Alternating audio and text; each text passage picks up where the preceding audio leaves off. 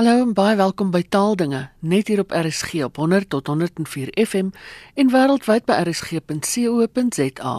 Jy kan ook op die DStv kanaal 813 na ons luister. Nou vanoggend is ek bevoorreg om twee gaste te hê vir wie se omvattende kennis van die taal ek groot bewondering het. Dit is professor Ernst Kutse en die taalpraktisyn Tom McLaughlin. Ons praat oor is en was as aanduidings van die verlede tyd en ek wil eerstens by professor Kutse weet waarom daar dan verwarring hieroor kan wees. Ina, ja, dankie. Uh, ek dink die deursnee gebruiker van Afrikaans sal onmiddellik vir jou sê dat is teenwoordige tyd is en was verlede tyd. As jy die uitdrukking gebruik soos ehm um, dit is koud vandag, weet almal dat jy na 'n toestand verwys wat op die oomblik geld. En wat dit was koud vandag, waarmee jy verwys na 'n toestand wat in die verlede gegeld het vroeër vandag. Maar uh, niks is natuurlik so eenvoudig soos dit voorkom nie, soos een weergawe van Murphy se wet lui. Werkwoordforme wat gewoonlik na die teenwoordige tyd verwys, kan maklik in Afrikaans ingespan word om na die verlede te verwys. 'n Mens hoor soms uh sy het verlede naweek 'n seentjie. Wat kan beteken sy het 'n seentjie gekry en het hom nog steeds. Of toe ek hom sien, is hy alweer op pad kroeg toe. Die werkwoorde in hierdie sin het 'n teenwoordigheidsvorm, maar die gebeurtenis waarna waar daarna verwys word, het in die verlede plaasgevind. Daar is dus situasies waar ons in Afrikaans 'n teenwoordigheidsvorm gebruik om na die verlede te verwys. Maar dis nie waar die verwarring voorkom nie, soos jy genoem het. Niemand sal sulke sinne wat ek gebruik het nou misverstaan nie. Verwarring kom waar een persoon byvoorbeeld sê hy is gevra om die vergadering te open en 'n ander een hy was gevra om die vergadering te open. Wie is nou reg? Dis die vraag. So dit hou ook verband met aktief en passief. Inderdaad.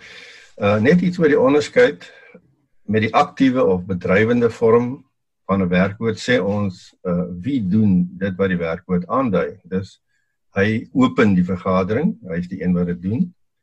Met die passief of leidende vorm van 'n werkwoord sê ons wie of wat ondergaan dit wat die werkwoord aandui. Dus die vergadering word geopen. Die vergadering is dit wat die handeling van opening ondergaan. Let net op, hierdie sin sê nie wie die vergadering open nie omdat dit waarskynlik bekend is of nie belangrik is nie. As dit wel belangrik is om dit te noem, moet 'n mens natuurlik sê die vergadering word sê net maar deur die president of voorsitter geopen. Maar die verwarring waarvan jy praat, het nie te doen met die opening van die vergadering nie, dit het te doen met wie gevra word om dit te doen en of mense in die verlede tyd sê was gevra of is gevra. Nou dit is een aspek van die passief waar Afrikaans verskil van sowel Nederlands as Engels. Ons kan net nou miskien in meer besonderhede daarop ingaan. Maar miskien is dit nou voldoende om eers net te wys daarop sonder om ingewikkeld te raak oor grammatika dat Engels dieselfde hulpwerkwoord, naamlik to be, dit wil sê am, is of are, in sowel die teenwoordige tyd as die verlede tyd gebruik om die passief uit te druk. Byvoorbeeld he is asked to do it of he is being asked to do it and he was asked to do it. Afrikaans aan die ander kant gebruik word in die teenwoordige tyd en is in die verlede tyd. Dus waar Engels was gebruik soos in the question was asked gebruik Afrikaans is soos in uh, die vraag is gevra. Om dus te sê die die vraag was gevra is gewoon 'n oorname van die Engelse vorm. Maar ek dink nie dit is die enigste probleem wat betref die passief nie. Ons weet dat die passief gevorm word deur word plus die voltooide deelwoord. Dit wil sê vorme soos geskryf, gevra, verwyder ensovoorts. Die belangrikste probleem is dat sulke voltooide deelwoorde in talle gevalle vir twee funksies gebruik kan word, naamlik as 'n passiewe werkwoordsvorm en tweedens as byvoeglike naamwoord of dan adjektief. 'n Groot verskil tussen hierdie twee gebruike is dat die passiewe werkwoordsvorm gebruik word soos die naam sê ook om handeling, 'n handeling te beskryf, terwyl die adjektief 'n eienskap of toestand beskryf. Kom ek gee 'n voorbeeld. Die brand in die Notre Dame is redelik is redelik gou geblus. Dit beskryf die handeling wat in die verlede tyd uitgevoer is. Maar mense sou ook kon sê toe ons daar opdag, opdag was die brand reeds geblus. Dit beskryf die toestand van die brand of die resultaat ehm uh, van wat gebeur het. Die resultaat van die handeling, nie die handeling self nie. Dit is dus heeltemal in orde om was te gebruik om die verlede tyd aan te dui wanneer die resultaat van die handeling, dit wil sê 'n toestand beskryf word. Die brand was dus reeds dood of uitgewoed en hierdie forme is adjektiewe soos geblus. Kom, hoekom verwar mense soms die aktief en die passief? Ehm um, waar kom dit vandaan en is daar studies daaroor gedoen in Afrikaans? Ja, bedoel jy waar die verwarring vandaan kom? Ja, ja. Kyk, soos uh, Ernst net nou gesê het, as jy nou 'n relatief eenvoudige sin het met 'n 'n onderwerp in 'n werkwoord in 'n voorwerp soos Piet was die kar.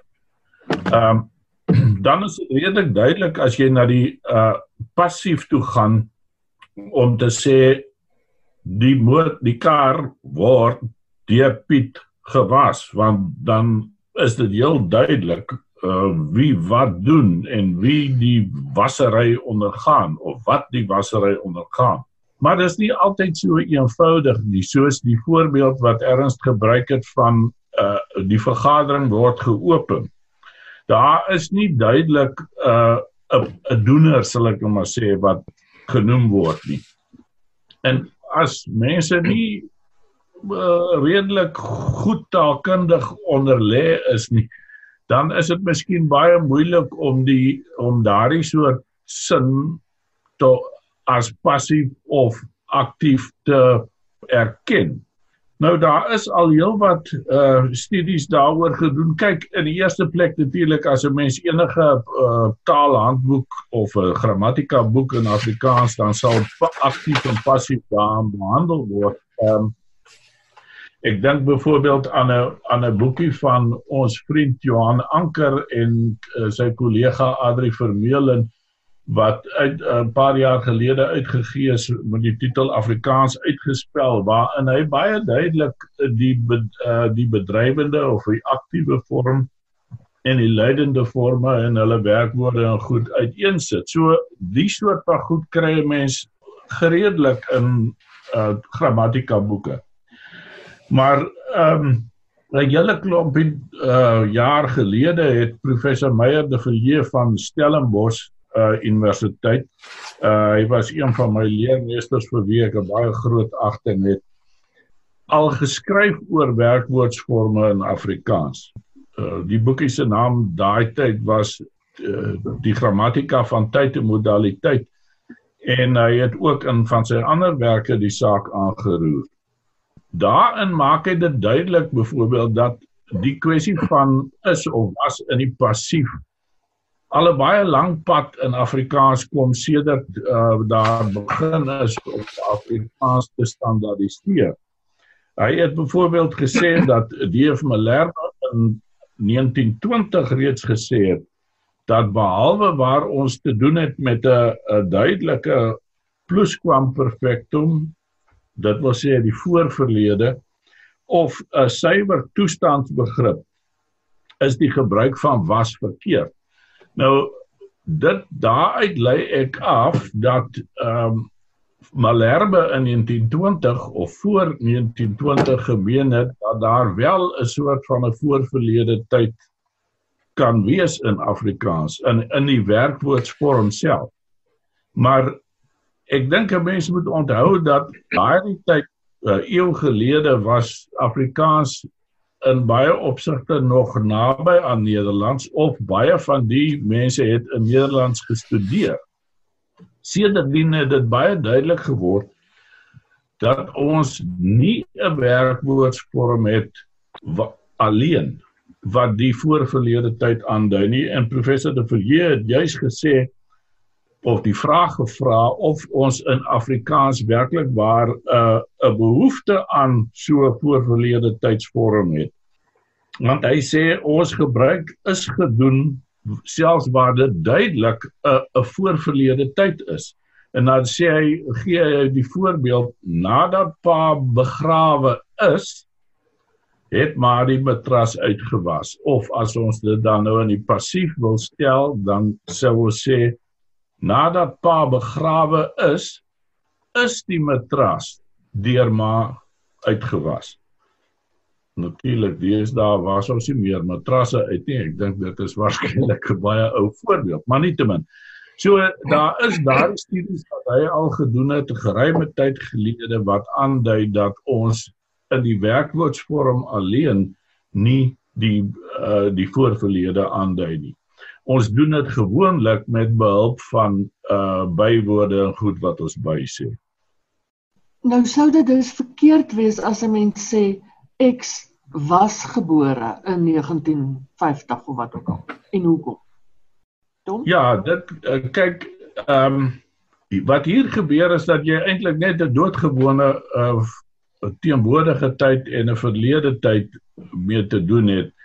Want gebore hoewel hy oorspronklik uit 'n verlede deelwoord is, het daai werkwoord eintlik in Afrikaans heeltemal verlore gegaan. So as ons nou sê hy was gebore, dan volg ons eintlik die Engelse patroon. En dit is idiomaties nie korrek nie. Ons sê in Afrikaans hy is gebore, juis om die redes wat ons nou reeds bespreek het. Hoe verskil die sinne twee van die slagoffers was kinders van twee van die slagoffers is kinders?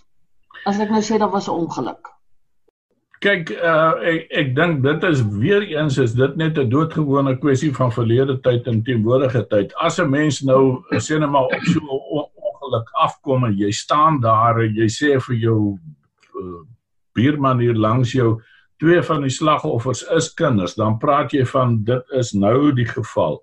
Maar as jy in 'n koerantberig sou sê uh oor berig oor iets wat van tevore gebeur het, dan sal jy sê die uh twee van die kinders was uh was slagoffers.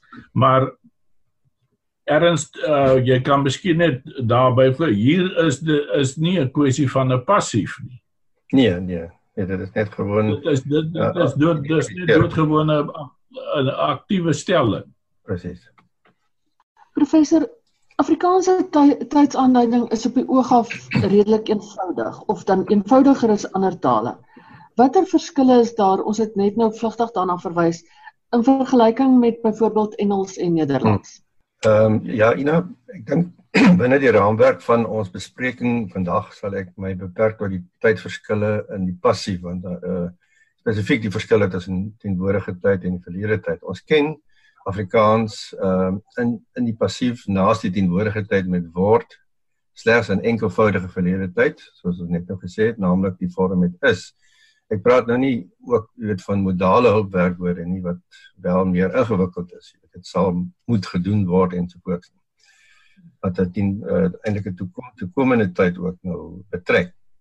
Maar kom ons neem 'n voorbeeldsin soos my hare word gewas In Nederland sou mens eenvoudig sê myn haar, myn haar word gewassen.